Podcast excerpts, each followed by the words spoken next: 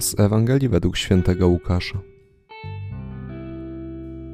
Nikt nie zapala lampy i nie przykrywa jej garncem, ani nie stawia pod łóżkiem, lecz umieszcza na świeczniku, aby widzieli światło ci, którzy wchodzą.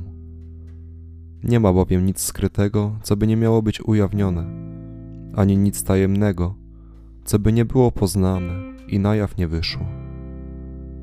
Uważajcie więc, jak słuchacie, bo kto ma, temu będzie dane, a kto nie ma, temu zabiorą nawet to, co mu się wydaje, że ma.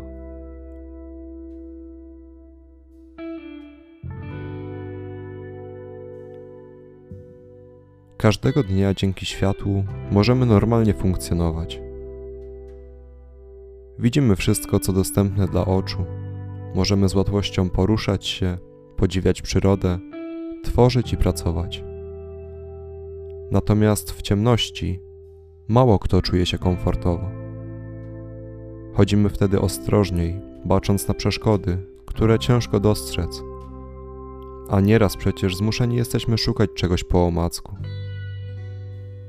Dlatego trudno polemizować i nie zgodzić się z Panem Jezusem, gdyż kłopotem byłoby znaleźć osobę, która w ciemnym miejscu stara się ukryć światło, które ma dostępne. Takie zachowanie można byłoby śmiało nazwać irracjonalnym. Gdy jednak przełożymy wspomnianą sytuację na płaszczyznę życia duchowego, to z łatwością dostrzeżemy takie zachowania.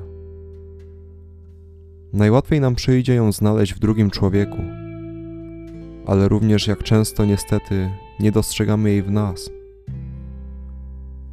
Jezus w tej przypowieści chce nam ukazać, że każdy chrześcijanin powinien być pełen światła, powinien promieniować jasnością swego Pana i głosić swoim życiem Ewangelię wśród spotkanych ludzi. Rozesłanie, które można usłyszeć na końcu mszy świętej, sprawowanej w języku łacińskim brzmi Ite missa est.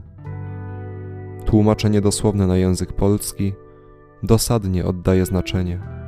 Idźcie, msza trwa. Jest to zadanie, które wybrzmiewa do wszystkich obecnych na Eucharystii.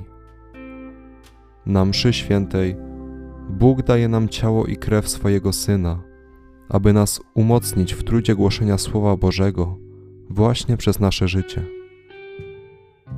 Wychodząc z Eucharystii, mam stawać się monstrancją, której zadaniem jest ukazywanie Chrystusa. Mamy każdego dnia zanosić zbawienie ludzkości innym, spotkanym na naszej drodze życia bliźnim, biorąc przykład z Maryi, która poszła do Elżbiety jako żywa monstrancja, mając pod swoim sercem naszego Pana. Niejednokrotnie to zadanie jest dla nas bardzo trudne. Nie przeżywamy spotkania z Bogiem w sposób właściwy z różnych powodów. Myślami jesteśmy czasami gdzie indziej. Jednak to do nas Chrystus mówi: Uważajcie więc, jak słuchacie. Musimy mimo wszystko czynić, co tylko jest w naszej ludzkiej mocy, aby wzrastać w łasce, którą otrzymujemy od Boga z miłości do nas, aby nią żyć jak najlepiej, aby jak najwłaściwiej wypełniać misję chrześcijanina, jaką jest głoszenie zbawienia. Jan Paweł II mówił, że wczoraj do nas nie należy, jutro jest niepewne, a tylko dzisiaj jest nasze. To właśnie dzisiaj jest odpowiedni czas, aby zacząć rozwijać jeszcze mocniej nasze życie duchowe, naszą więź z Bogiem. Zgłębiajmy tajemnice Eucharystii, czytajmy Słowo Boże i żyjmy nim.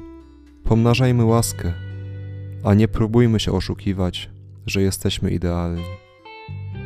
Nie zatracajmy łaski Bożej, która jest do zbawienia koniecznie potrzebna, albowiem temu, kto ma, będzie dane, a kto nie ma, temu zabiorą nawet to, co mu się wydaje, że ma.